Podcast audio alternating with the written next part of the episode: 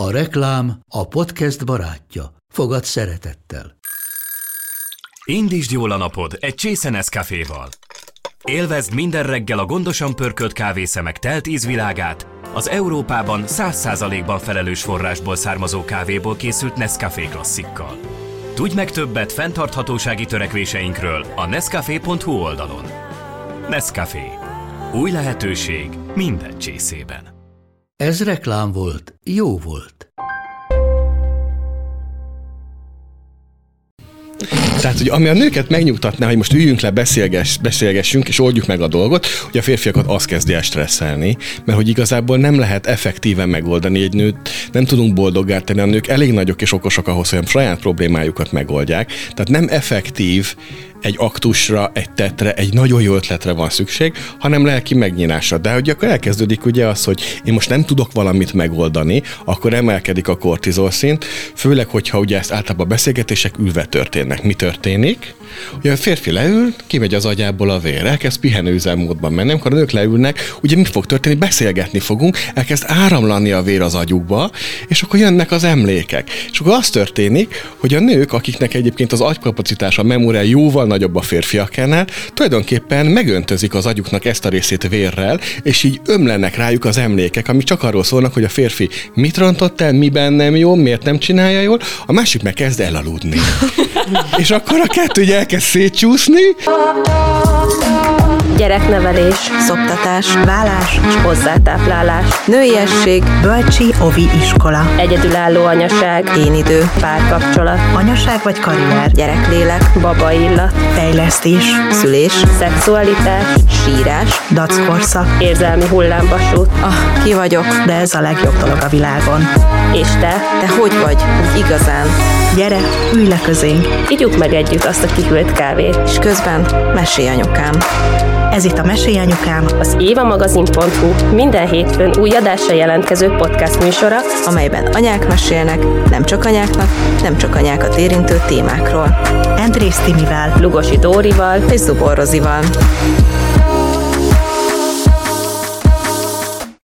Az van, hogy azért hívtunk meg titeket, mert marhára szeretünk veletek beszélgetni. És az év, évad végéhez közeledve arra gondoltunk, hogy egy ilyen jó, igazi beszélgetésre vágyunk, úgyhogy ismét elhívtunk titeket. Szolga Zsófi van itt, és a te férjed, Vadas János. Szervusztok! Sziasztok! Sziasztok, nagyon köszönjük a meghívást.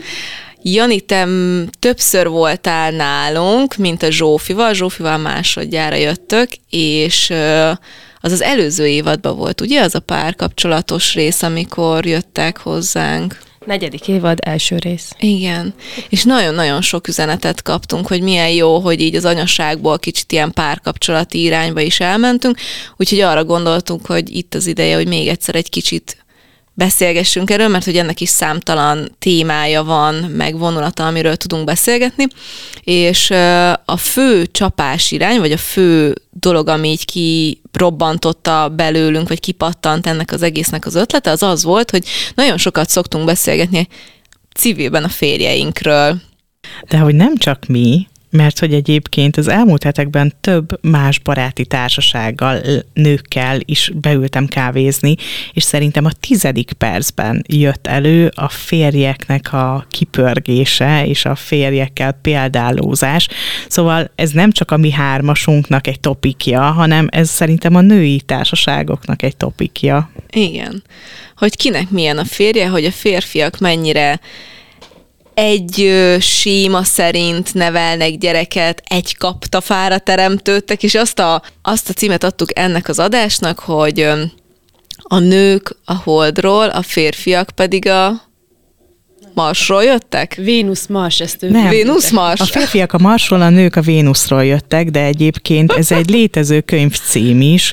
Képzeljétek el, hogy egy nagyon közeli hozzátartozónk nász ajándékba adta ezt a könyvet nekünk, és én akkor nem mondom, hogy sértésnek vettem, de hogy egyébként így nem nagyon értettem, hogy én valami ilyen pozitívabb ajándékra számítok, hogyha megházasodom.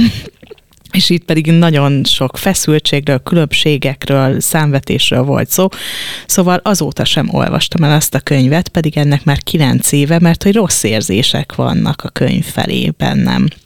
És arra gondoltam, hogy ez egy gyógyító adás lesz, hogyha ezen a címen dolgozunk vele egyébként, és akkor lehet, hogy majd most valami más perspektívából fogok erre a mondatra nézni, és hazamegyek, és felcsapom a könyvet, és elolvasom a héten.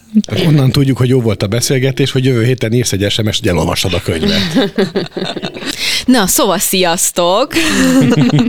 sziasztok! Meséljetek, hogy ti ugye nagyon sok párral foglalkoztok, egyénileg is, meg párban is, mert hogy van ez a párforgó ceremóniátok, úgyhogy nagyon kíváncsiak vagyunk, hogy ti mit tapasztaltok, hogy tényleg ilyen egy kaptafára működnek-e férfiak, nők, anyukák, apukák, illetve légy szíves, meséljetek arról, hogy ti szülőként mennyire vagytok ebben a sémában benne, vagy mennyire különböztök pont ettől. Ez egy azért hálás téma, mert nagyon sok jó sztorival föl lehet díszíteni, és akkor tudunk rajta jókat nevetni, és a, akik most hallgatják ezt az adást, őket is arra kérem, hogy amikor majd beszélgetünk, majd lehet, hogy standardokról, vagy ilyen nagy átlagokról fogunk beszélgetni, de hogy mindig legyen ott a felkiáltója, hogy mindenki más, mindenki eltérő, csak nem tudunk úgy beszélgetni, hogy minden 8 milliárd ember egyesével kitérünk, hanem most majd arról beszélgetünk, hogy általában hogy vannak, és akkor mindenki reflektálhat otthon arra, hogy egyébként hogy térnek el a úgynevezett időzőjebben mondott standard férfi vagy standard női mintáktól. Nálunk például minden fordítva van a Zsófival. Azon szoktunk viccelődni, amit egyébként a Zsófi az esküvőnkön sem mulasztott el megemlíteni 300 ember előtt hogy ugye az egyes felmérések szerint a férfiak iszonyú jól tájékozódnak, és akkor vannak ilyen videók, nézheted a kutatásokat, hogy ilyen szemkötőbe vezetik a tutorok az alanyokat a labirintusba, a férfiak frankon meg tudják mondani, hogy hol vannak, mi merre van, a nőknek meg fogalmuk nincs. Hát ugye a, a, a lila pónitól balra körülbelül, tehát ez a, ezért, nálunk ez fordítva van. Úgyhogy ezt időről időre meghallgatom, hogy négy utcát ismerek a városba, és abba is eltévedek, és ebben van is igazság. Tehát, hogy férfinak lenni, meg nőnek lenni, ez egy spektrumon lehet, és ez mint egy csúszka, ott is van az a szép keverőpult, ahol most ezt felvesszük ezt az adást, ez is ilyen csúszkaként képzelhető el. Úgyhogy um, vannak eltérések. Átadjam a szót? Nem, még, ne. még, még meséljek. Be a gondolatmenetet, igen. Jó, akkor ilyen akadémiai szinten csak azt akartam mondani, hogy általában ott van a nagy eltérés. Ugye az egésznek a hormonháztartása az egyik fő eltérési pontja, és ebből kifolyólag férfiak és nők másképp kezelik a stresszt, vagy másképp tűrik a stresszt, mások a kommunikációs igényeik és működésük, és um, a a konfliktus kezelési szkíjük. Most ez a három, ami nagyon el tud térni a hormonháztartás alapján, és hogyha ugye könnyen mondják a pasik egy horgászat során, hogy jaj, a te feleséged is ilyen hülye, jaj, a csajok mindig olyan hülyék, és holott nem erről van szó, hanem csak arról van szó, hogy mindenki a saját szemszögéből gondolja a másikat nem normálisnak, vagy gondolja azt, hogy a távoli bolygókról érkezett, és akkor ez még kvázi egyes skilleknek a hiánya meg is alapozza azt, hogy jaj, hát a, a mi hitrendszerünk, vagy a mi hiedelmeink azok igazak. De ha fordítva gondolnánk, hogy lehet fejlődni stressztűrésbe, lehet fejlődni kommunikációs készségbe, lehet ke- fejlődni ö, konfliktuskezelésbe, akkor rájönnénk, hogy egyébként a nők nem is olyan hülyénk, vagy viszont visszaverz, hogy a férfiak nem is olyan, nem tudom én, barlangi lények, hanem akkor a szkieink fejlődésével a hiedelmi rendszerünk is megváltoz. Egyszerűen a minél több képességünk van, és minél magasabb szinten üzemeltetjük, annál inkább nyílik ki a világ. Úgyhogy amikor arról beszélgetünk, hogy a férfiak a Marsra jöttek, a nők meg a Vénuszról, akkor arra reflektálunk, hogy alapvető szinten érezhetőek ezek a különbségek, de a megnyugtató az, hogyha ezekről tudunk, és ezt lehet tanulással, önreflexióval, önismerettel fejleszteni, akkor ha a képességeinket fejlesztjük, akkor ezek a különbségek sokkal inkább kezelhetővé szelidülnek, és rögtön összecsiszolódnak a párok, és nem szétfele fognak tartani. Úgyhogy mindenkinek javaslom, hogy valahogy az önismeretet kombinálja a használható képességekkel, képességfejlesztéssel, mert akkor a kettő együtt tudja egymást támogatni, mert tök ugye van önismerete, csak mit csinálsz, hogyha nem tudod, hogy hogyan használ, de tök jó, ha vannak eszközeid, de mit csinálsz az eszközeiddel, ha nem tudod, hogy mikor kell bevetni őket. Úgyhogy én azért vagyok a coaching szerelmesen, mert így a kettőt össze lehet gyurmázni, és akkor így lehet a párok perspektíváján dolgozni és tágítani, és a végén egy ilyen nagy összeborulásba kijönni a végén, hogy hát oké, tanultunk egy csomó mindent, és rögtön akkor Aha, most azt csinálom, tudom, mert azt a gombomat nyomták. Akkor tudom, hogy ilyenkor azt kell lővennem a zsebemből. És akkor ezt először nehéz végigjátszani, de ez is egy tanulási folyamat. És tudunk tanulni, úgyhogy mindenkit biztatok erre, hogy ennél jobb dolgot, mint felnőtt korunkba kiszélesíteni a saját világlátásunkat, nem tudok izgalmasabbat elképzelni két ordibáló, ö, állandóan valami új ingerre éhes gyerek mellett, meg pláne, nem? Micsoda kihívás. Nagyon könnyű. De, és a gyerekek mellett aztán, amikor ugye pont a tanuláshoz szükséges skilljeid, ugye az alvás, a, a figyelem, a fókuszod, ugye, Csend. meg a létbiztonságod van veszélyeztetve, tényleg nagyon jól lehet tanulni. Mi egyébként jártunk a Janihoz nem titkoltan az Áronnal elég sokáig, és mi ezt, én, én mondtam az Áronnak, hogy na jó, akkor minőségi időt kell együtt töltenünk, ahol fejlődünk, tehát nem csak elmegyünk és sétálunk, az is tök jó, de hogy el kell mennünk valahova, ahol kapunk útbaigazítást, hogy akkor most merre menjünk, és egyébként ö, fenn volt a hűtő sokáig, amikor az asszertív kommunikációt tanultuk a Janinál, fönn volt a hűtőn, hogy, hogy ö, milyen érzések vannak, milyen érzés, tudjátok, az a rengeteg érzés, amit még nekem is új egyébként azon a érzéskeréken, ami fönn van egy csomó, hogy miből mi fakadhat, és akkor álltunk a hűtő előtt az áronnal, és akkor figyelj, én most azt érzem, nézem, hogy akkor most mit érzek a hűtőn, aha, tuti, hogy csalódott vagyok, de még mit is érzek, és akkor az áron is, ö, én azt érzem most, és nagyon nehéz egyébként az elején, mert hogy nyilván ez egy tök új dolog, tehát amikor valami újat tanulsz, akkor az hát az elején nem megy annyira nagyon könnyen, de hogy utána, hogyha ha tényleg ö, megtapasztalod, már pedig megtapasztalod, hogy mennyivel könnyebb egy síkra hozni a Marsot, meg a Vénuszt, akkor nem lesz kérdés, hogy csinálod-e. Ugye mi a klasszik konfliktus? Hogy valami feszíti a szegény párt, és akkor a nők elkezdenek ventilálni, átengedik magukon az érzéseiket, ezen megkínálják a párjukat, és ugye mi, mi, mi az a reflexzerűen kioldódó mechanizmus, hogy oldjuk meg. Erre mi történik? Mármint a férfiben. A férfiben, igen, elindul az, hogy oldjuk meg. Erre mi történik? Kigyullad a vörös lámpa a hölgy fejében, hogy engem mit nem fogadnak el, nekem itt az érzéseim nincsenek validálva akkor ez ugye eszkalálja a veszekedést. Holott ugye itt arról van szó, hogy a férfiaknak a hormonháztartás az kicsit olyan, hogy a, akkor mikor megjelenik a kortizol, a stressz hormon, akkor a, ami a megnyugtatást hozhatná, az a tesztoszteron. Az pedig összefüggésben van a megoldás. Amikor megoldasz valamit, akkor emelkedik a tesztoszteron szintje a férfiaknak, és akkor húha meg van oldva, és akkor, amikor a tesztoszteron szint magas, akkor, akkor egy, egy ilyen nyugalom szállja meg az embereket. Na most, amikor a nőknél nem pont így van a dolog, őket az oxitocin nyugtatja meg, és mi történik, hogyha egy férfiba oxitocint fecskendezel? Elalszik. Tehát, hogy ami a nőket megnyugtatná, hogy most üljünk le, beszélgess, beszélgessünk, és oldjuk meg a dolgot, hogy a férfiakat az kezdi el stresszelni, mert hogy igazából nem lehet effektíven megoldani egy nőt, nem tudunk boldoggá tenni, a nők elég nagyok és okosak ahhoz, hogy a saját problémájukat megoldják. Tehát nem effektív egy aktusra, egy tetre, egy nagyon jó ötletre van szükség, hanem lelki megnyilásra. De hogy akkor elkezdődik ugye az, hogy én most nem tudok valamit megoldani, akkor emelkedik a kortizol szint, főleg, hogyha ugye ezt általában beszélgetések ülve történnek. Mi történik? Ugye a férfi leül, kimegy az agyából a vér, elkezd pihenőüzemmódban menni, amikor a nők leülnek, ugye mi fog történni? Beszélgetni fogunk, elkezd áramlani a vér az agyukba, és akkor jönnek az emlékek. És akkor az történik, hogy a nők, akiknek egyébként az agykapacitása, a memória jóval nagyobb a férfiaknál, tulajdonképpen megöntözik az agyuknak ezt a részét vérrel, és így ömlenek rájuk az emlékek, ami csak arról szólnak, hogy a férfi mit rontott el, miben nem jó, miért nem csinálja jól, a másik meg kezd elaludni. és akkor a kettő ugye elkezd szétcsúszni, és ilyen ordítás lesz, egy ilyen borzasztó hatalmas patália lesz, és ugye mindenki menekülne ebből a helyzetből.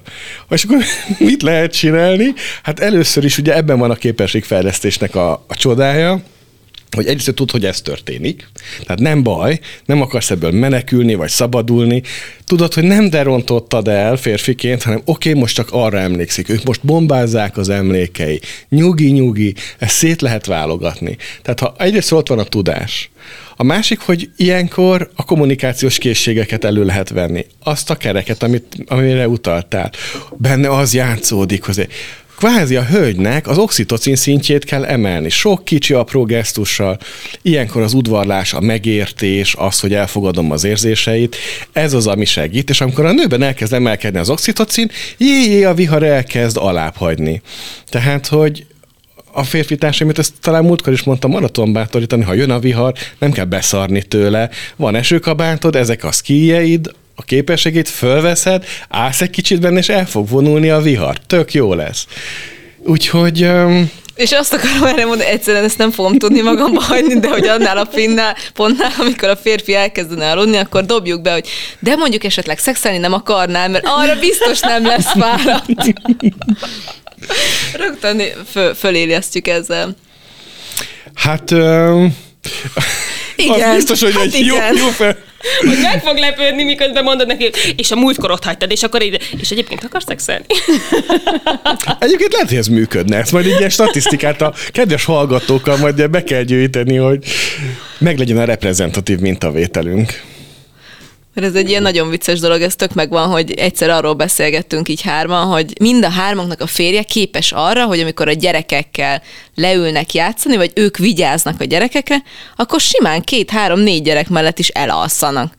De most mi meg állandóan hétről hétre arról ventilálunk ebbe a podcastba, hogy hát, hogy önmagában életben tartani milyen nehéz a gyerekeket, amikor tényleg csak az a feladatot, hogy etesd és de engedd meg neki, hogy vizes kézzel benyúljon a 220-ba, vagy nem tudom, 440-be, vagy nem tudom. És ők meg elalszanak. Érted? Volt olyan, hogy mentem haza, kinyitom az ajtót, az áron a babzsákon fekszik ott az egyik gyerek éppen az IKEA-s műanyag zacskókat veszi ki a dobozból, tudjátok, egyesével, amiben van 600 darab, a másik kis autózik, és a férjem kajakra aludt, miközben én hazaértem, levetköztem, elmentem mosdóba, odaültem melléjük, és kajak aludt. És mondom, ez hogy? És utána egyébként én is tudok ilyen. Én bemegyek a bunkiba, és akkor ott egy kicsit tíz percre behúnyom a szemem, mert hogyha nem nézem így őket, nem figyelem őket, akkor ezek a gyerekek normálisan tudnak működni. Én attól félek, hogy ezeket a sztorikat elmeséltük, hogy majd jövő héten jön a védőnő, meg a családsegítő szolgálat. Hallottam, hogy valaki el tud aludni a bunkiban, nem én, csak valaki. És a férjem se ő volt, csak láttam a tévébe.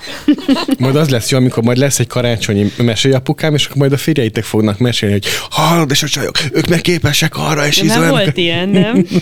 Konkrétan ilyen nem volt, de egyébként szerintem nagyon vágynának rá. Na de Zsófit is engedjük, ha a szóhoz jutni itt az elnyomott szerepben. Nem, hát nem vagyok én elnyomott szerepben, Tudjuk. de úgy éreztem, hogy a Jani indítsa el a, a, a témát a mi, mi részünkről, és én most jobban tudok ehhez kapcsolódni. Um, Hát beszélgettünk, miatt idejöttünk, és én, én leszek most itt a, a spiri, aki behozza egy kicsit az ilyen spiribb nézőpontot. Én most úgy érzem, hogy innen tudok kapcsolódni ez a témához, hogy hogy hát egyrészt szerintem tök fontos tudni azt, hogy mi az, hogy nő, nőiesség, és mi az, hogy férfiasság, és hogy ezeket így elfogadni, hogy, hogy én nőként hol vagyok nő, vagy meddig tart a nőiességem, nyilván a férfiak is ugyanígy magukkal például szerintem az, az egy fontos dolog, hogy, hogy, tehát, hogy ugye mi nők, én, én, én abban most visszalépek, tehát én abban hiszek, hogy szerintem van különbség a nők és a férfiak működésében, és szerintem ez így jól van, vagy ennek így van helye, és szerintem nem kell mindenáron nőként ö, erről lemondani az én saját női működésemről, vagy nem kell nekem férfivé válnom, vagy férfiként viselkednem, hanem, hanem én most itt nő vagyok, most én személyesen anya vagyok, van két gyerekem, és ez jár bizonyos feladatokkal, minőségekkel, amiket hát lehet vállalni, vagy nem vállalni. És, és az, hogy, az, hogy ismerem magam, tehát az önismerethez kapcsolódva szerintem az nagyon fontos, hogy, hogy, hogy tudom azt magamról, hogy mi, mi nők, vagy általában a nők ugye beszéddel nagyon sokat tudunk mi oldani a feszültségeinken, tehát ezért van tényleg ez a kibeszélés, és hogy ha, ha egy férfi meg nem így működik, vagy a férfiak nem így működnek, akkor nem biztos, hogy nekem minden kibeszélni valómat a férjemmel kell megbeszélnem, mert ezért vannak a barátnők, hogy mi meg ugye leülünk, és hogy mondtátok, hogy rögtön elkezdjük kibeszélni a dolgainkat, és ez nem úgy kibeszélés, hogy a másiknak a háta mögött csúnyát mondok róla, hanem csak az, ami feszít engem, azt hagy mondhassam már ki, hagy könnyíthessek magamon. És, és szerintem ezeknek a, a, meg, a megfelelő helyének a megtalálása az, az így jó, jó, ha tudom ezt, hogy ez, ezt hogyan, hogyan működik, és én így visszatérve az eredeti topikhoz, hogy, hogy nő férfi, hogy a nők a, a Vénuszról jöttek, a férfiak meg a Marsról, hogy szerintem ez tök szép, hogy tehát, hogy igazából Vénusz és Mars ősidők óta a legnagyobb szeretők, tehát, hogy ők szerelemben égnek egymással. És hogyha meg tudjuk találni mi itt a Földön, a földi létben ezt a minőséget, hogy ugye mi egymás kiegészítői vagyunk. Tehát, hogy, hogy, hogy van, van a szerelemben is ez a tűz és ez a, ez a mozgalmasság, és van a harcnak is a, a mozgalmassága, de hogy ebben tud békesség is lenni, vagy, vagy a szerelemben is van egy ilyen, egy, egy olyan, olyan feszültség, ami, ami fűti a kapcsolatot, és hogyha ez elmúlik ez a tűz, akkor, akkor kihúny az a tűz, és akkor már nincs, ami, ami táplálja azt a kapcsolatot. Tehát szerintem lehet úgy gondolni erre a férfinői együtt létre, hogy ez, ezek a minőségek egymást kiegészítik, tehát hogy nem egymást megöljük a kapcsolatban, hanem, hanem valahogy azt nézni, hogy hogyan, hogyan egészítjük ki egymást, és az, hogy, hogy mondjuk a, a férjem ö, nem tudom, bátrabban van jelen a gyereknevelésben, az tök jó, mert a gyereknek szüksége van erre az apai minőségre, és hogy ezt megtapasztalja, hogy a gyerek is megtapasztalja az erejét, és, és én nőként meg lehet, hogy egy táplálóbb minőséggel vagyok jelen, de arra is szükség van, meg különben nem tudom, kifőzi meg a finom ebédet, és most persze egy férfi is megfőzhet egy ebédet, tehát, hogy vannak egyéni dinamikák minden párkapcsolatban, és ez tök fontos megtalálni, hogy mindenki magában találja meg ezeket a minőségeket, hogy én nőként hogy élem, és miben élem meg a nőiességemet, és, és a férfi miben, miben találja meg, miben éli meg a férfiasságát. Egyébként az jut ezzel kapcsolatban eszembe meg, ahogy így hallgatlak, ez eddig, ahogy így készültem az adásra, nem is jött, de hogy milyen érdekes, hogy régen az anyáknak a feladata volt gondoskodni. Mm. Gondoskodott a háztartásról, a gyerekekről, saját magáról, az állatokról, a kertről, hogyha ilyen, mit tudom én, ilyen tényleg nagyon régi időszakban megyünk, a férfiaknak meg a feladata volt úgy globálisan gondoskodni a családról, hogy biztonságban legyenek, védelmet nyújtson, illetve az anyagi dolgokat megteremteni. És hogy milyen érdekes, hogy egyébként ez mostanra gyakorlatilag ez a kettő dolog, amit most úgy mutatok, hogy az egyik fönt, a másik lent, de hogy igazából nem, mert hogy egyik sincs fönt vagy lent, de hogy mostanra gyakorlatilag mindenki csinál mindent, nem? Mert hogy ugyanúgy keres a férfi nő is pénzt, ugyanúgy biztonságban próbáljuk a gyerekeinket mind a ketten, ugyanúgy a férfi is gondoskodik, hogy, hogy egyébként szerintetek ez egészséges, hogy a, nők egy kicsit elf, vagy lehet-e azt mondani, hogy a nők elférfiasodnak, a férfiak pedig elnőiesednek, vagy inkább azt látjuk, hogy nem feltétlenül kell a végletekben élnie egy-egy nemnek, vagy egy-egy szülőnek, hanem ez így jobban működik. Ti például hogy érzitek magatokat ebben a szerepben, hogy ugye nálatok nem az van, hogy mondjuk a Jani egész nap dolgozik, és csak este fürdetésre jön haza, és te vagy egész nap a gyerekekkel, hanem én legalábbis kívülről, amit látok így a közösségi médián, amiket meséltek, tök azt látom, hogy nektek így nagyon jól föl van osztva, és hogy így mindenben ugyanannyit dolgoztok, ugyanannyit vagytok a gyerekekkel, ugyanannyit csináltok. De aztán majd rácáfoltok, ha nem így van. Hát én, én azt mondanám így elsőnek, hogy mutattad, hogy fönt lent, és mondtad, hogy nem akarod így uh-huh. fönt lent mutatni. Én ezt úgy mondanám, hogy kint és bent, hogy szerintem a férfi minőség az, aki egy kicsit kint van, aki a, a, a külső védelem, és a nő a, a bent, a mag, ami, aki meg egy kicsit a benti dolgokat ja. menedzseli. Igen. Tehát szerintem ez egy ilyen szebb, vagy egy ilyen, mm, és szerintem a régiségben is ez inkább így volt. Az, hogy ezt a mai világban hogy tudjuk megvalósítani, hát igen, ez piszok nehéz, ez, ez iszonyatosan nehéz. Szerintem az van a mai világban, hogy a dolgok nincsenek a helyükön. Tehát, hogy szerintem nagyon, most általánosságban beszélek, tehát, hogy általában a nőiség szerintem nincs a helyén, és általában szerintem a férfiasság, vagy a férfiség sincs a helyén. Pont ezért, mert ebben a mai világban annyira fel van borulva, és nem azért, mert azt mondom, hogy, hogy most így nosztalgiázni akarok, hogy a férfi menjen ki az állatokhoz, vagy a kerthez, és a nő meg csak bent. Tehát ma nem így élünk, nem, nem tudunk ehhez ehhez így visszanyúlni, de az, hogy minőségekben egy picit keressük ezt, és ezt finomítsuk, arra szerintem szükség lenne.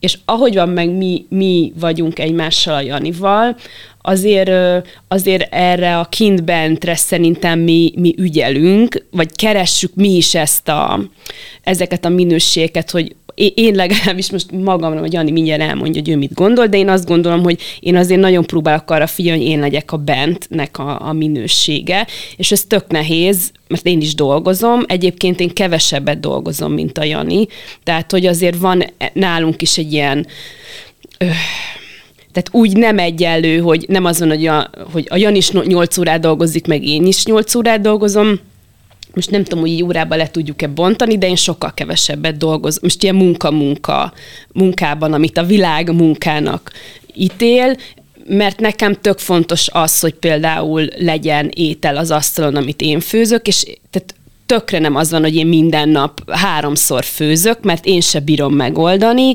de, de törekszem arra, hogy olyan étel legyen, amit én vásároltam, én fogtam meg, én főztem, és én is van, hogy berakom a mirelit, krumplit, és az a vacsora, tehát, hogy nem akarok ilyen tökéletesség látszatát kelteni, mert én se bírom ezt megoldani, de hogy van egy törekvés közöttünk, vagy a mi konkrét személyes életünkben erre, ezt, ezt én tudom mondani, és szerintem ez tök fontos, mert a női minőséghez nagyon hozzátartozik ez a táplálás, és ez a fizikai táplálás is, és az a táplálás is, hogy, hogy, hogy a gondoskodás, a gyógyítás, hogy a, most pont itt van egy illóolaj, és mindannyian megszagoltuk, tehát hogy ez, ez az, hogy, hogy van egy gyógyítás, és hogy egy, egy illattal gyógyítom a gyereket, tehát hogy szerintem ez a minőség, ez egy nagyon női minőség, tehát hogy nem, tehát vannak ennek a fizikai síkban konkrétan megfogható aktusai, de hogy ez egy olyan minőség is, ami,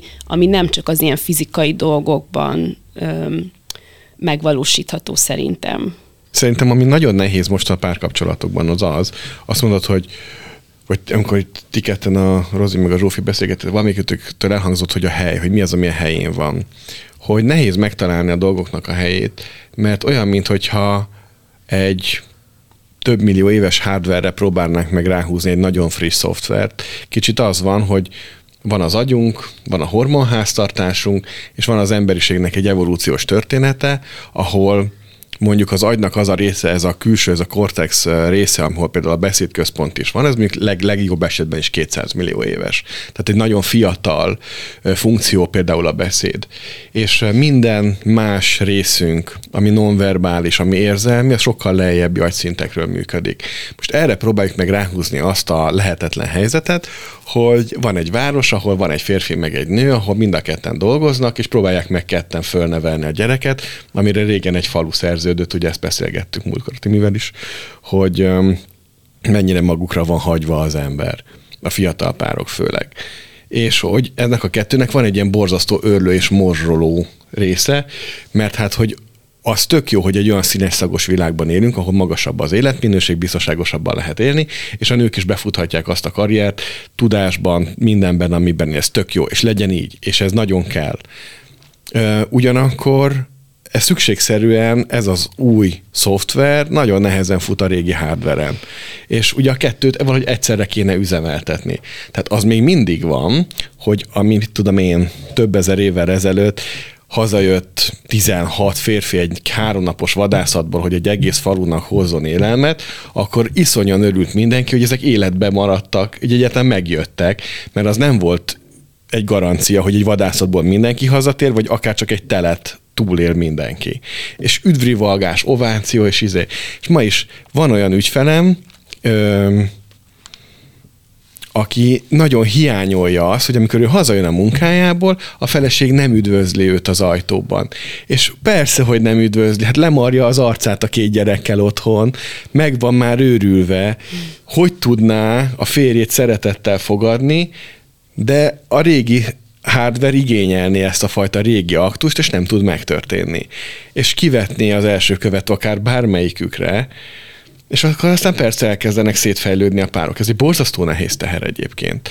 És um, azt gondolom, hogy erre most nem is lehet um, generális válaszokat adni, hanem ezt, ezt páronként kell megfejlődni, hogy melyik párnak hol van a saját triggerpontja, hogy mi, mi, mi az, ami az egyiküknek jól esik, és mi az, ami a másikuknak, és ez csak akkor fog történni, hogyha mind a ketten fölvállalhatóvá teszik az érzéseiket, meg az igényeiket. Viszont a férfiak erre nincsenek kondicionálva, hiszen most beszéltük meg az előbb, hogy megoldásokra vannak kondicionálva. Tehát hogy mondhatnák el egyébként is azokat, ami ugye a régi hardware nem teszi lehetővé, és erre még jön egy tarka száz év, ami az elmúlt időkben történt, ahol az én tudom, két világháború megforradalmak után nem mondhatnánk, hogy a férfi transgenerációs örökség arról szólna, hogy hát mi nagyon nagy megnyílások, meg iszonyú nagy érzelmi átadások lesznek, hanem inkább a nehéz helyzetekre való készülés.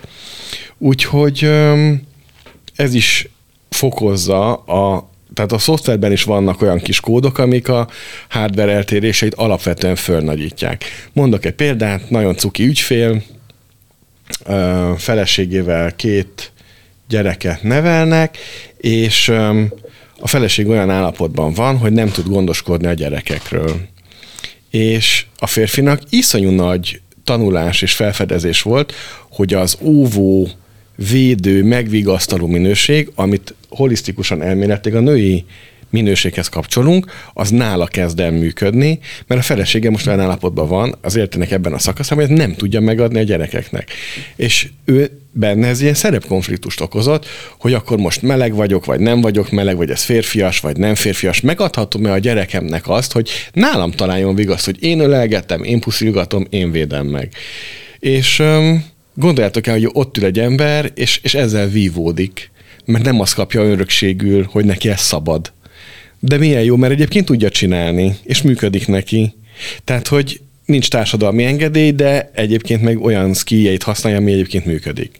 Vagy mondok másik párt, azok is nagyon helyesek, ott a férfi egy kicsit a hagyományosabb férfi minőséget és szerepet hozta fölülről is, meg úgy is alakult az élete, hogy nagyon korán ö, neki kellett betölteni a családfenntartói szerepet, olyan családtörténet miatt, mert kisfiúként ez a feladat ráhárult, és persze, hogy egy ilyen alfább működésben van.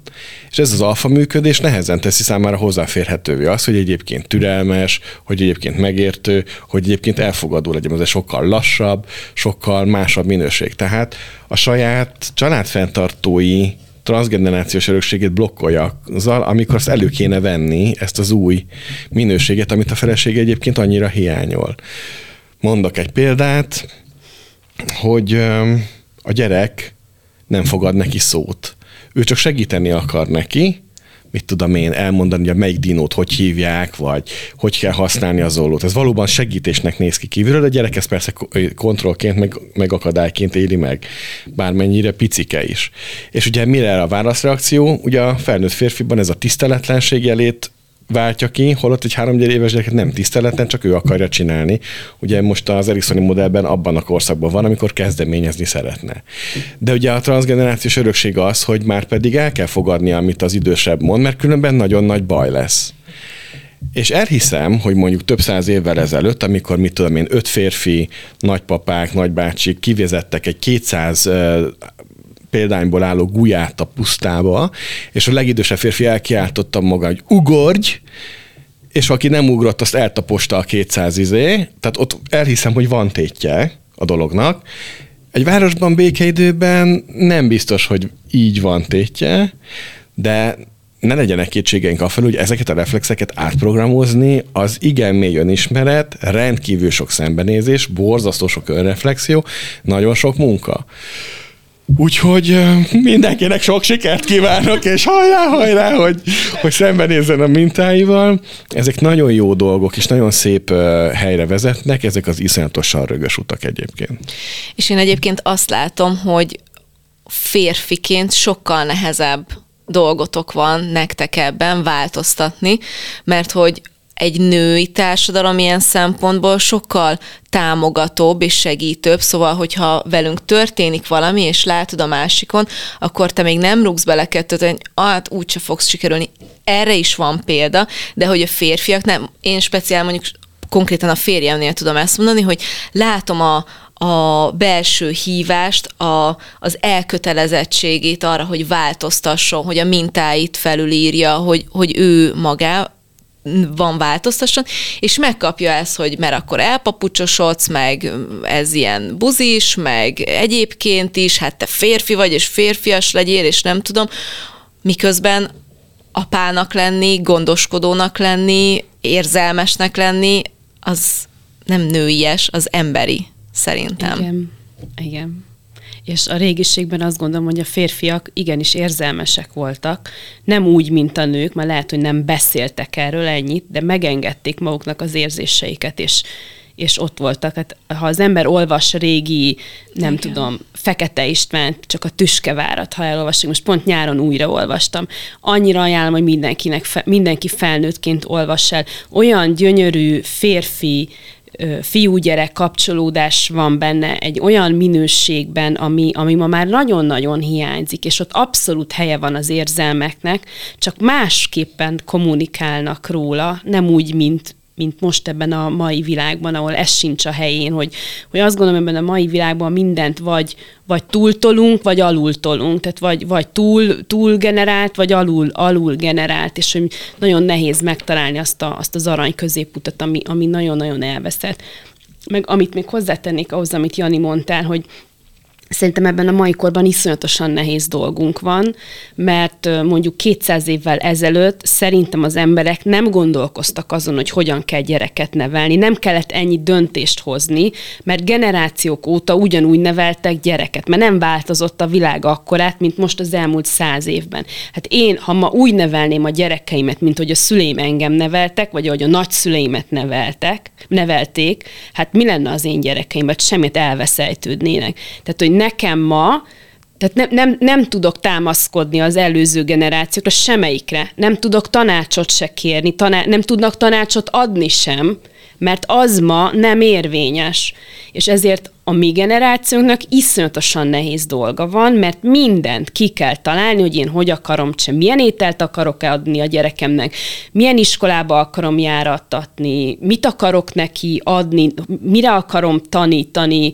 Hát már csak azt, hogy mi gyerekkorunk óta az a világ, amiben a mi gyerekeink felnőnek, hát ez milyen más? Már csak a három évvel ezelőttihez képest is mennyire másik világban élünk.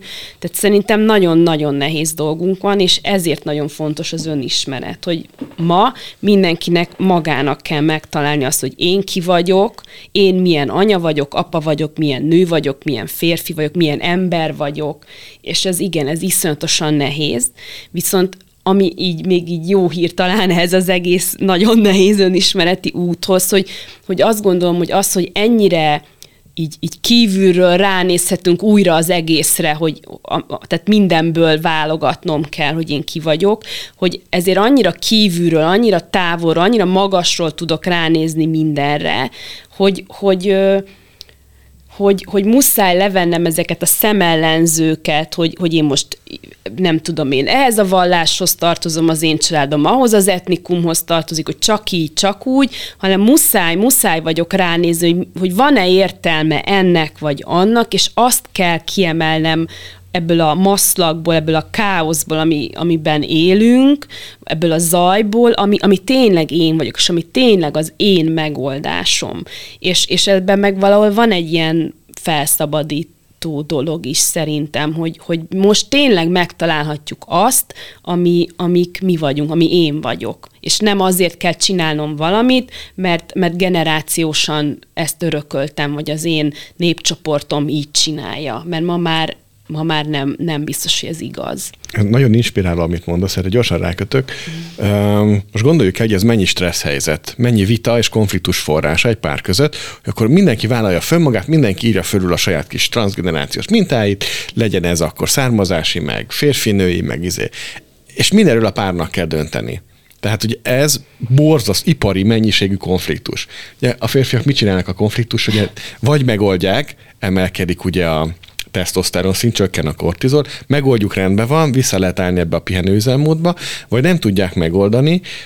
Ebben az esetben a, az ösztrogén kezd el növekedni, és akkor ugye viszont egyre jobban idegesek lesznek. Tehát, hogy meg ez az üljünk le, beszéljük meg, ez nagyon nehéz.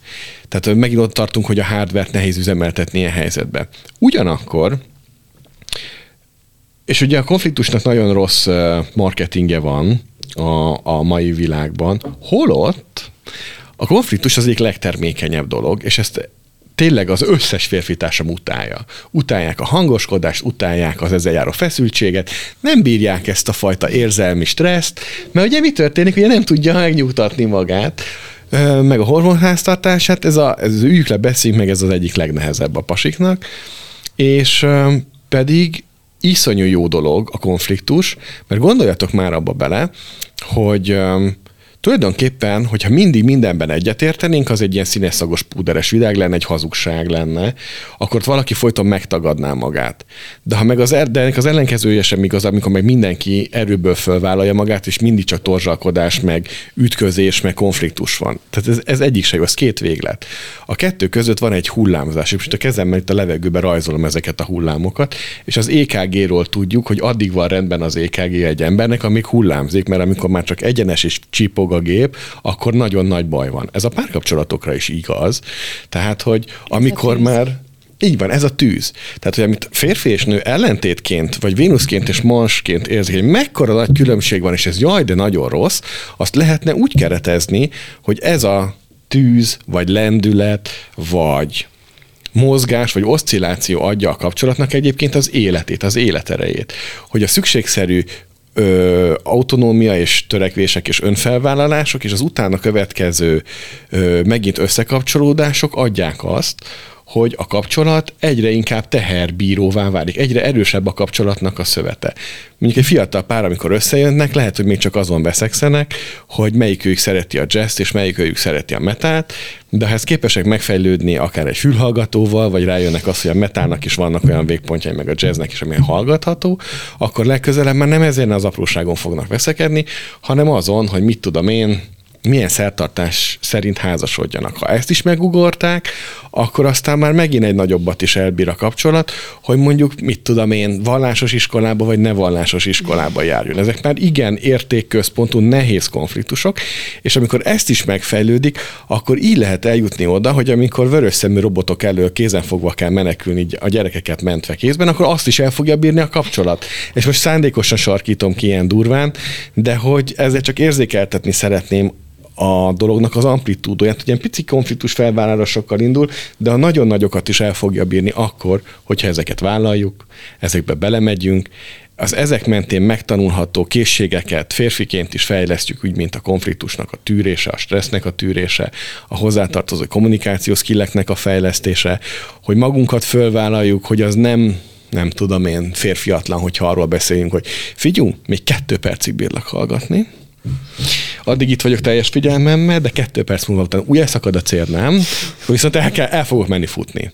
És hogy akkor ez is egy önismereti folyamat, hogy tudod, hogy meddig bírod, ezt jelzed, ezt a másik elfogadja, és aztán, vagy nem fogadja el, de, de legalább akkor mindenki fölvállalta magát, és akkor ez szép lassan így egyre jobban kinövi magát. Csak ebbe bele kell állni én, én ehhez hozzátenném a magam kis piri részét a Mars révén, hogyha már így a Vénusz és a Mars meg lett szólítva ebben a beszélgetésben, hogy, hogy hát a Vénusz a szenvedély, a Mars meg ugye a tűz, meg a, meg a harc, és hogy, hogy a, szerintem a szenvedélyt egy kicsit talán így jobban értjük ebben a mai világban, de ezt a marsikus energiát, meg szerintem megint ez egy ilyen nagyon félreértett dolog, hogy, hogy ugye a mars, ami, ami a tűz, a tűz minősége, a színe a piros, hogy igazából a belegondolunk megint, hogy mi ez a minőség, hogy a tűz. Tehát, hogy tűz, az az életerő, a vörös szín, a piros, a vérünk, ugye, tehát, hogy az arcpír az arcunkon, akinek nincs nincs tüzessége, az, az ugye sápat, élettelen, nem energikus, és hogy, hogy erre a tűzre szükség, tehát a tűzre, a jó tűzre szükség van az élethez, hogy legyen életerőnk. Nekem van egy meditációm, ahol ezzel nagyon sokat foglalkozom ezzel a témával, úgyhogy nekem ez a marsikus téma, ez mostanában veszőparipám.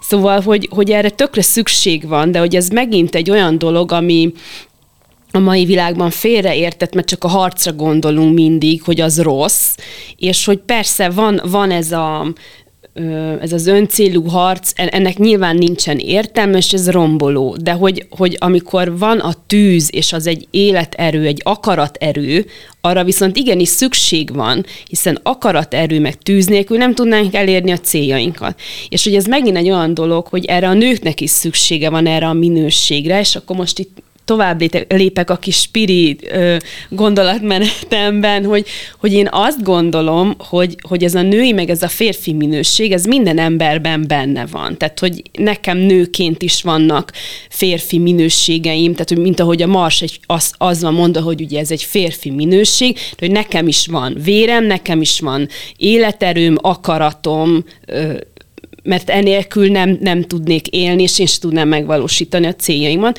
És ugyanígy egy, egy férfinek is van női, női boldala, vagy női minőségei, és van egy kedvenc példám, amit szoktam mondani, hogy a, az ilyen nagyon spirituális tanok ugye azt szokták mondani, hogy a jobb oldal az a férfi minőség, és hogy a bal oldal a női. És hogy ez olyan szép, hogy, hogy minden embernek ugye van jobb karja, meg bal karja, és hogy a, a karok, ahonnan kapják az erőt, az a szív, tehát hogy onnan jön a karoknak az ereje. Ez ugye az ölelésben olyan szépen kifejeződik, hogy amikor megölelek valakit, és a karjaimmal átölelem, akkor ugye a szívemből ölelek, és, és ez olyan szép, hogy, hogy, hogy ez a két minőség, ami bennünk van, a férfi és a női, a szívünkben találkozik össze, és ott, ott tud egységé összeforni, és hogy én azt gondolom, hogy ennek a két minőségnek talán ami így, így a harmóniát tudja adni a mai életünkbe, az az, hogyha erre valamiféle szerelmetes táncként gondolunk, hogy ahogy a nő meg a férfi is tud együtt táncolni, hogy úgy ez a két minőség is tud bennünk így együtt táncolni, és ahol ez a tánc összeér, az a szív, és ezt így az egész testemre is ki tudom árasztani, akár ezt a, ezt a táncot, vagy ezt, a, ezt az egységet, hogy Timi mondtad, hogy szeretnéd, hogy ez egy ilyen gyógyító beszélgetés legyen, úgyhogy remélem, hogy ezzel a gondolattal hozzá tudok járulni egy kicsit legalább. Hát igen, meg most az jutott tudod eszembe, hogy tegnap este még beszéltünk arról, hogy akkor hogy legyen ez az adás, mire menjen ki és hogy azt mondtam, hogy, hogy nem szeretném megadni az utat, és hogy mi sose szoktunk felírni kérdéseket, meg egészen pontosan célirányt, hogy mire fusson ki a beszélgetést. Van olyan, aminél fontos, hogy mire fusson ki a beszélgetés, de hogy mi nagyon-nagyon szeretjük ezeket az áramló beszélgetéseket, amikor hagyjuk, hogy a beszélgetés életre keljen, és csorogjon arra, amerre szeretne menni, és hogy erről például nem gondoltam, hogy a mai nap beszélni fogunk, és hogy ez így van jól, és hogy, hogy ennek van olyan valós ereje, Igen. ami szerintem a Mesélyanyukám podcastnak a kulcsa. Igen. Olyan érdekes egyébként, hogy mondtad ezt az LKG-s hasonlatot, és én múlt héten az Oráti Adrivel interjúztam, és ő is ilyen hasonló példát mondott, meg hasonló témáról beszélgettünk, és képzeljétek el, hogy már akkor is így nekem csomó minden így vizuálisan megjelenik a fejembe, és az jutott eszembe, hogy basszus, ez az egész dolog olyan, mint egy számítógépes játék, hogy az első szinten, vagy akkor az még mm. tök könnyű, akkor még összevesztek azon, hogy nem tudom, nem viszi ki a zokniát, vagy nem hajtja le a WC deszkát, vagy mit tudom én, és hogy így ahogy tovább jutsz egy-egy szinten, vagy tovább juttok ugye jelen esetben, mindig egyel nehezebb ö, feladat jön. És hogy egyébként meg belegondoltok, mondjuk én mindig szeretek ilyen saját példával jönni, hogy emlékszem, amikor mi összeházasodtunk a férjemmel, akkor rá pár hónapra lett vakbélgyulladásom, és én ott majdnem meghaltam, mert ö, konkrétan perforálás előtti állapotban voltam, szóval a sürgősségén úgy kiverték a kezemből a vizet, hogy azonnal műteni kell, és én ott bent voltam tíz napig kórházba, és hogy így ott voltunk fiatal párként, erre nem számítottunk, és hogy így tök megvan az érzés, amikor ott mondta nekem, fürdetett egyik nap, és akkor mondta, hogy anyukám, hogyha ezt túlérjük itt friss házasként, akkor mindent, mindent meg fogunk tudni oldani együtt. És hogy így, hát az se volt egy sétagalop, de hogy ahhoz képest azóta annyival brutálisabb dolgokat élünk át, de hogy ott tényleg abban a pontban azt mondtam, hogy hát ennél, hát ennél mi nehezebb jöhet, hogy itt majdnem meghaltam, és most mosod éppen a hátsó fertájamat friss házasként, 20 évesként. És hogy ez tényleg ilyen, hogy így megerősít is egyre, egyre, egyre durvább dolgok jönnek, és hogy, hogy még a másik dolog, ami jött, hogy nem csak egyéni önismeretre van szükség egy pár, vagy az embereknek, hanem egy pár kapcsolati önismeretnek, hogy ti párként hogy funkcionáltok együtt. És erre szintén egy ilyen saját élmény, a, ugye én tavasszal lettem vállalkozó, és vállalt, változott nagyon sok mindenben az életem, mert úgy döntöttem, hogy jobban részt szeretnék venni a gyerekek életében, más minőségben szeretnék részt venni. Jött is a hívás, hogy most picik, most ott szeretnék lenni, most nem dolgozni szeretnék. Képzétek el, hogy a gangunkon, az erkélyünkön növényeket, muskátlikat kezdtem el gondozni, és akkor volt egy ilyen tök nagy felfutása az életünknek, akkor így a gyerekek is jobban lettek, nyugodtabbak lettek, és így kivirágzott az erkénk, és akkor kijött a férjem, és akkor azt mondta, hogy anyukám, milyen érdekes, hogyha te jobban vagy, akkor az mindenkire hatással van. És hogy nyáron volt is ezzel kapcsolatban egy beszélgetésünk, ami megerősíti azt, amit ti mondotok, hogy a férjem, ő, hogyha nem is szereti a munkáját, és hogyha még van is stressz, ő azzal jobban megküzd, és ő vállalja azt, hogy nyomja, hozza a pénzt és csinálja, mert ő azt valahogy jobban le tudja tenni. Én több lelket rakok a munkába, én nem tudom letenni a stresszt, én, én én bennem folyódik az tovább, és hogyha tényleg ez a lelki részem, ez így blokkolódik mondjuk a sok munka miatt, akkor az hatással lesz a párkapcsolatra, a gyerekekre. Az egyik gyerekem tikkelt, és azzal, hogy felmondtam, abba maradt a hm. tikkelése. És ez addig nem esett le, amíg a pszichológusa a gyereknek föl nem hívta rá a figyelmem, hogy egyébként mikor maradt abba a tikkelés, és mikor mondott föl, és akkor így ültem, hogy azt a mindenit. Mm és akkor utána nyáron, amikor a születésnapon volt, elmentünk vidékre, akkor én így kimondtam a férjemnek, hogy igazából tényleg azt látom, hogy hogy, és most rakódik össze a fejem, mert mindjárt vége a monológomnak, hogy tényleg ez a, ez a belső, belső mag, hogy, hogy az, hogy én ott rendben vagyok, az fog így minden mást tágítani, és akkor majd nem lesz az ordibálás, meg nem lesz az ő stresszel, meg mit tudom én. De ehhez az kellett, hogy így összerakosgatjuk, hogy én nekem kell dolgozni, de kicsit kell Igen. dolgozni. Te többet tudsz dolgozni, mert te jobban, izé, de szívesebben fogsz hazajönni, mert tudod, hogy úgy várlak haza, ahogy szeretnéd, hogy hazavárjalak, mert nem az van az én fejemben is, hogy ezer minden dolog. Hát, vagy csak, hogy egy nőként másmilyen munkát végezni. Igen. Tehát, hogy nem biztos, hogy egy ilyen férfias munkát kell végezni, hanem lehet találni olyan feladatokat, ahol meg tudom élni ezt a nőiesebb, gondoskodóbb minőséget, akár egy ilyen gazdasszonyosabb, vagy nem is tudom Igen. minek nevezem, és lehet, hogy ezt kevesebb órában, és igen, ez az az egyéni út, amiben mindenkinek meg kell találnia magát, hogy az arányokat, hogy mettől meddig önazonos az, amit én csinálok, és hogy, hogy vagyok én, hogy vannak a körülöttem lévő emberek, ki hol tart, mekkora a családja, Igen hány éves a gyerek, hány generáció van, igen. igen. Ezért lenne jó, hogyha a munkaerőpiac meg a döntéshozók reagálnának erre. Így van. És a nőknek a munkavégzését úgy tudnák támogatni, hogy rugalmasabb munkaidők lennének, hogy távolról végezhető munkák is több legyenek, hogy ezek jobban legyenek honorálva, hogy a férfiak is több szabadságot tudjanak kivenni, hogy az anyukák többet tudjanak dolgozni, vagy úgy többet, hogy nekik megfelelő módon,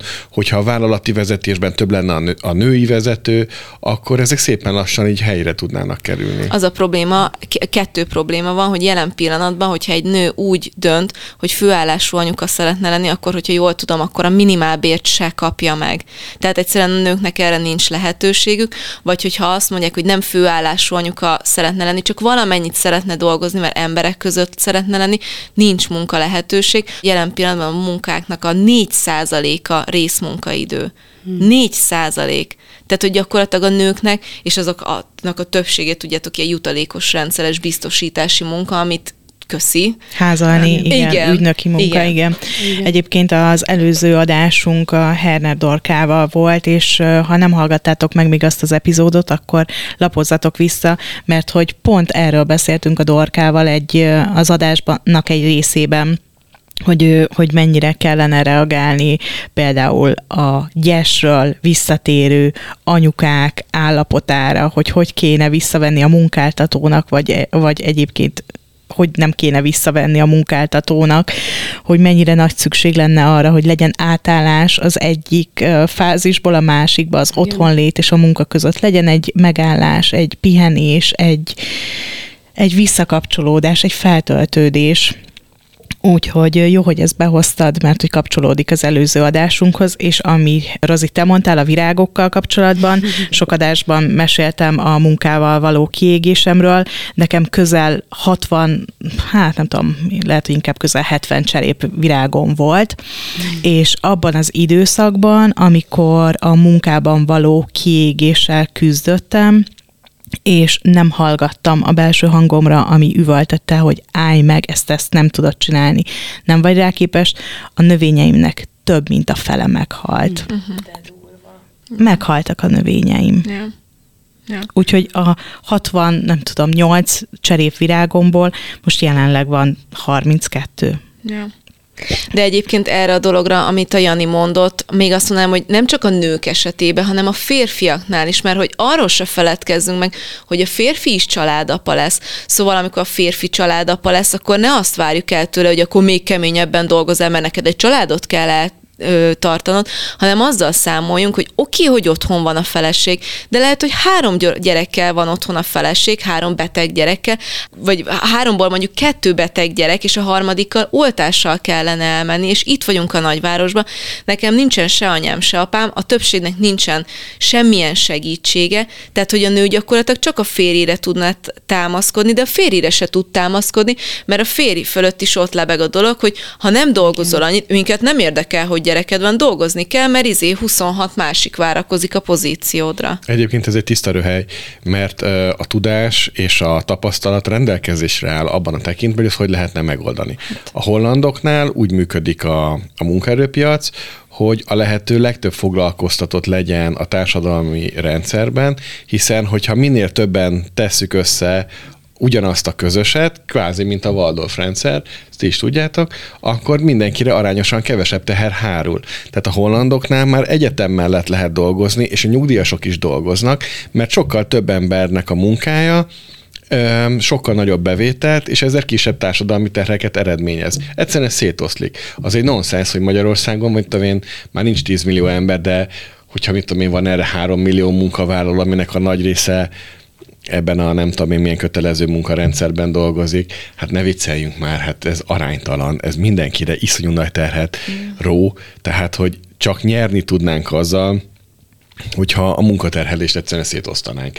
És akkor a, a férfiak nem halnának meg krónikus szív- és érrendszeri betegségbe korán, a nők visszatalálnának a pozícióikba, a gyerekek boldogabbak lennének, az egyetemisták ki tudnák fizetni a saját egyetemüket, az nem terhelni az időseket, az idősek tudnának élni, tudnának segíteni a fiatal pároknak, akik annál erősebbek, minél több nagyszülő tudnak igénybe venni, tehát hogy igazából egy nagyon boldog és sikeres társadalomban is élhetnénk, hogy erre lenne akarat. Na, ez, ezt akartam mondani, de várjál, te most valami jóléti államfélét vázolsz fel.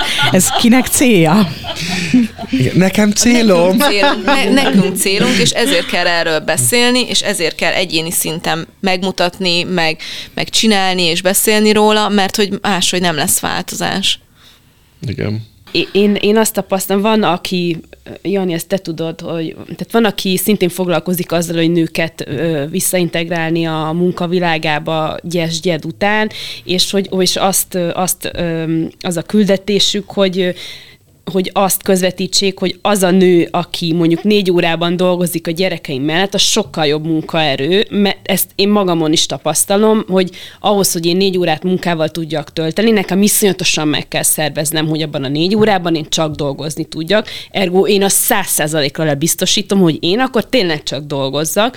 Ez az egyik. A másik az, hogy, hogy tehát gyerekek mellett szerintem egy, egy jó munkát végezni, tehát egy olyan munkát, amit az ember szívesen csinál, csinál, mondjuk négy órában, az már majd, hogy nem én időnek számít, nem? Tehát, hogy felnőtt emberekkel vagy, meg tudsz valakivel valamit beszélni, az, az úgy lesz, ahogy megbeszélted. Tehát, hogy szerintem van ennek egy ilyen ö, fe, felemelő, vagy mentálisan egy ilyen serkentő hatása, tehát szerintem sokkal megbízhatóbb az a nő, a, aki, aki anyaként kisgyerekek mellett dolgozik részmunkaidőben, sokkal fontosabb is számára mentálisan, hogy, azt a, hogy legyen egy pár órája, amikor mással foglalkozik, nem a gyerekeivel, sokkal frissebben tud az az anya visszafordulni a gyerekei felé, és nem tudom újra kavarni tovább a levest és teregetni a ruhákat. Tehát, hogy szerintem ennek tök jó értéke van, és ez egy olyan, olyan butaság, hogy ezt az emberek eldobják a, a, a munkáltatók, mert szerintem ennek nagyon nagy értéke van. Nagyon, nagyon. És ugye a Kovács ezt az igenbe elmondta, hogy egyébként bárkiről legyen szó, napi 5-6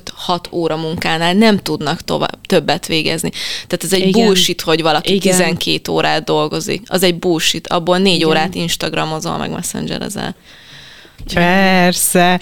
Hát pont a férjemnek mondtam a hétvégén, Kérdeztem tőle, hogy így nem akar bemenni egy kicsit a héten az irodába dolgozni. Mm, egészen hozzászokott ahhoz, hogy az én otthoni dolgozómban dolgozom. És akkor mondja, hogy, hogy miért, hát tök jó itthon dolgozni. Hát igen, csak én most látom, hogy effektíve mennyi abból a tényleges munka, amit elvégez, és mondtam neki, hogy figyelj már, azért volt olyan időszak, amikor reggel 8-tól este 6-ig bent kellett lenni, mert olyan sok munka volt, és könyörögtem, hogy nagyon nagy szükségem van arra, hogy gyere haza, hogy akkor most így visszagondolva, mennyi is volt abból a munka, nem fel akarok hánytorgatni dolgokat, de azért mégis. Ja, ja, ja, ja. Úgyhogy igen, tényleg, meg hát én is emlékszem, amikor a minisztériumban dolgoztam, hogy mennyi kávészünet volt, a dohányosoknak mennyi cigi szünet volt, és amikor összeadtam, hogy ki mennyi dolgozik, valójában az mennyi volt. Úgyhogy ezt mindenki tudja, de hogyha tudjuk, mert biztos, hogy a munkáltató is tudja, de hogyha egyébként mindenki tudja, hogy abból a nyolc órából ténylegesen mondjuk öt az, amit hasznosan eltöltünk, akkor miért nem úgy, úgy szervezzük ezt az egészet, hogy, hogy azt a három órát, azt ne ilyen munkának tetetett lébecolással kelljen eltölteni, hanem, hanem akkor azt valami más jobba tudjuk fektetni. Nem tudom, de én ezt azért nem merem sokszor mondani, mert még az a vége, hogy elkezdik a 8 órát lehúzni 6 órára, meg 5 órára, és akkor annyival kevesebb pénzt is kapnak az emberek. És akkor elég egy meg annyival. Akkor ne, nem beszéljek ilyen hangosan erről, mi? Ne, inkább instázzál a fennmaradó három órában. Csendben. Elbújva a legutolsó irodában a folyosó túlvégén, amiről el is felejtették már, hogy egyébként az egy iroda, és hogy én ott ülök. ja. Ezt úgy mondod, mint hogyha csináltad volna, Timi. nem, a Timi nem csinál ilyet. Jogos.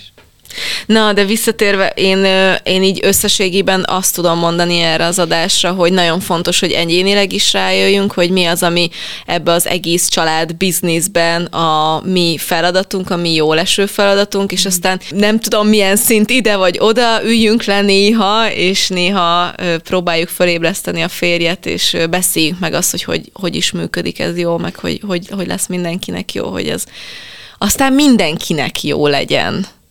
Nagyon szépen köszönjük, hogy jöttetek, ismét élmény volt. Mi is köszönjük, hogy jöhettünk, szeretünk veletek beszélgetni. köszönjük szépen. És nektek hallgatóknak is köszönjük, hogy meghallgattátok ezt az adást, meg úgy egyáltalán az egész évadot is, ugyanis ez volt az ötödik évad záró adása. Kövessetek minket a közösségi oldalakon, vigyázzatok magatokra, és kitartást mindenkinek az évvégi hajrához. Sziasztok! Játékidővel még jövök. Sziasztok! Sziasztok! Ha még nem elég belőlünk, kövessetek minket TikTokon vagy az Instagramon, de Facebookon szintén Mesélyanyukám néven megtalálható zárcsoportunkhoz is csatlakozhattok. Vagy, ha szeretnétek, e-mailt is írhattok nekünk az infókukat évamagazin.hu e-mail címre. Ha pedig tetszik, amit csinálunk, értékeljétek, lájkoljátok és osszátok meg tartalmainkat, és mindenképpen szóljatok másoknak is, hogy minden hétfőn új adással folytatódik a Mesélyanyukám. Sziasztok! A műsor a Béton partnere.